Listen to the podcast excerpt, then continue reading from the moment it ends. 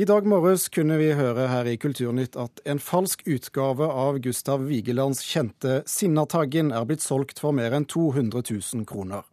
Politiet etterforsker nå et galleri i Oslo for å ha solgt skulpturen.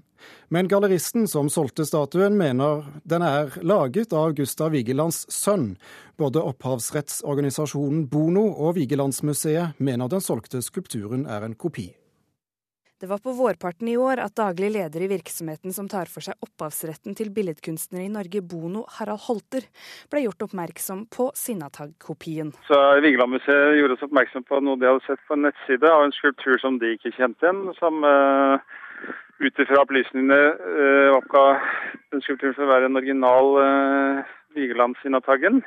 En av de andre versjonene som Vigeland lagde, som de ikke kjente til. og Så ba de oss undersøke det, og vi undersøkte litt nærmere med den informasjonen. Og var i dialog med Vigelandmuseet, som slo fast at dette ikke var noe Vigeland-verk.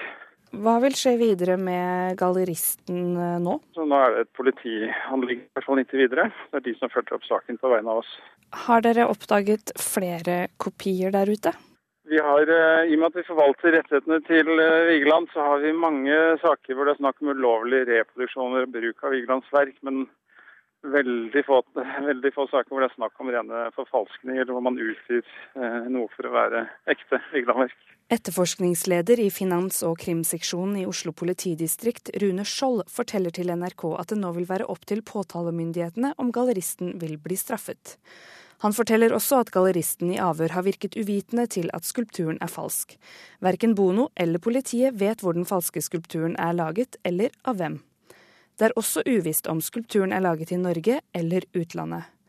Museumsleder ved Vigelandsmuseet, Jarle Strømodden, er ikke videre imponert over kopien. For en mer sånn personlig regning vil jeg si at jeg er nok litt skuffet over eh, la oss si, kvaliteten på den eh, skulpturen vi her snakker om. Fordi jeg syns at kopien er så dårlig utført.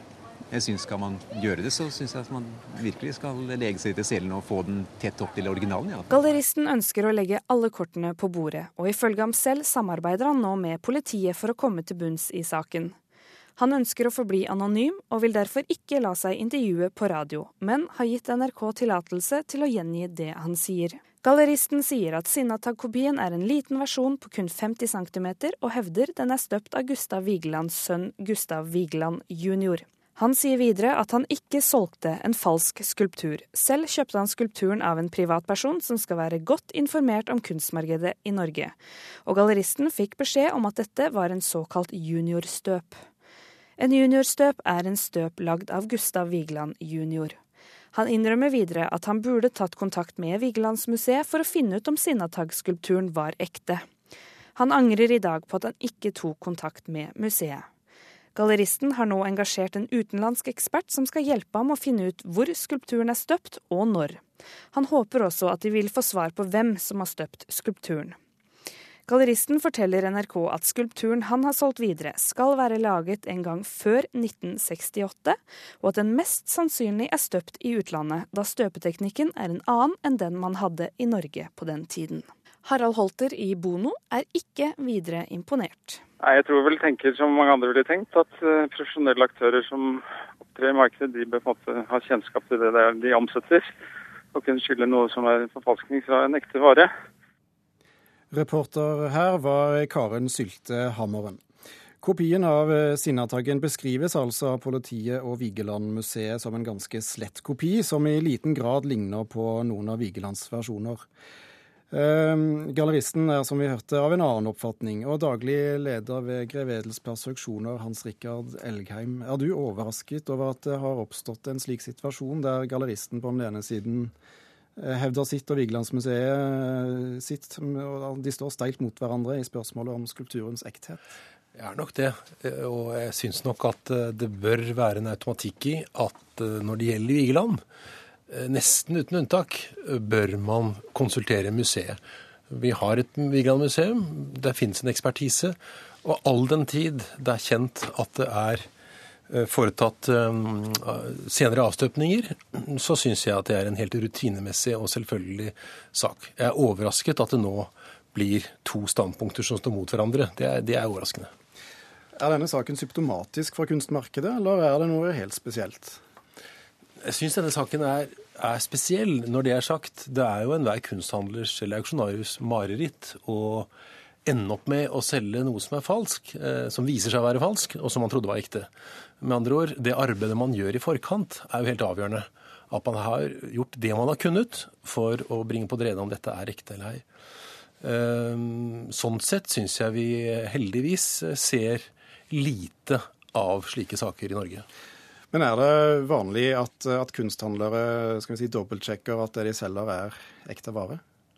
Jeg kan ikke svare på vegne av alle kunsthandlere, dessverre. Men eh, det er, det er, ønskelig. Og det vi jo vet, er at selger man falskt, altså kommer det for en dag. Altså selger man vilje eller ufrivillig, det kommer for en dag. Så det er jo alt å tjene på å være grundig i forarbeidet her. Kari Greve, du er seksjonsleder for konservering ved Nasjonalmuseet. Du arbeider først og fremst med billedkunst, men eh, kan du likevel si noe om hvor komplisert det er å lage kopier av en slik skulptur? Det kan jeg nok ikke. Det er, det er litt utenfor det jeg har greie på. Men, men det, som, det jeg kan si ut fra vanlig sunn fornuft, er jo at eh, det er klart at å støpe en skulptur det er ikke noe som verken du eller jeg liksom kan begynne med på bakrommet. Så, så, det er klart det krever et apparat å gjøre det, og det krever en, en, en viss profesjonalitet i utstyret, om ikke annet, å gjøre noe sånt som dette her. Vet du noe om hvor utbredt det er med falsknerier av denne typen her i landet? Jeg er enig med Hans Rikard at dette er et spesielt tilfelle. Eh, I hvert fall i min erfaring. 30 eh, år ved Nasjonalgalleriet og Nasjonalmuseet, så er det tre-fire ganger kanskje jeg kan komme på hvor vi har vært ute for direkte forsøk på forfalskninger. Uh, hvor går grensen egentlig mellom kopier og forfalskninger de ulike kategoriene der? Det er det som kjennetegner en forfalskning, er jo at den med viten og vilje er laget for å lure noen. Eh, det, er, det ligger i bånn at det skal være en, at vi skal kunne kalle det en forfalskning. Eh, og en kopi etter en mesters verk er jo ikke i seg selv en forfalskning, men hvis noen forsøker å selge den som om det var ekte vare, så begynner det å smake av juks. Og da er fortsatt ikke bildet en forfalskning, men den som selger det, begår en, et falskneri. Men Elgheim, eh, kan vi eh, nesten konkludere med at det er kunnskapsløshet ute hos eh, kjøperne her, når forutsatt at kjøperen har trodd dette er riktig vare? Det er tross alt av de, et av de mest kjente kunstverkene vi har i, i landet?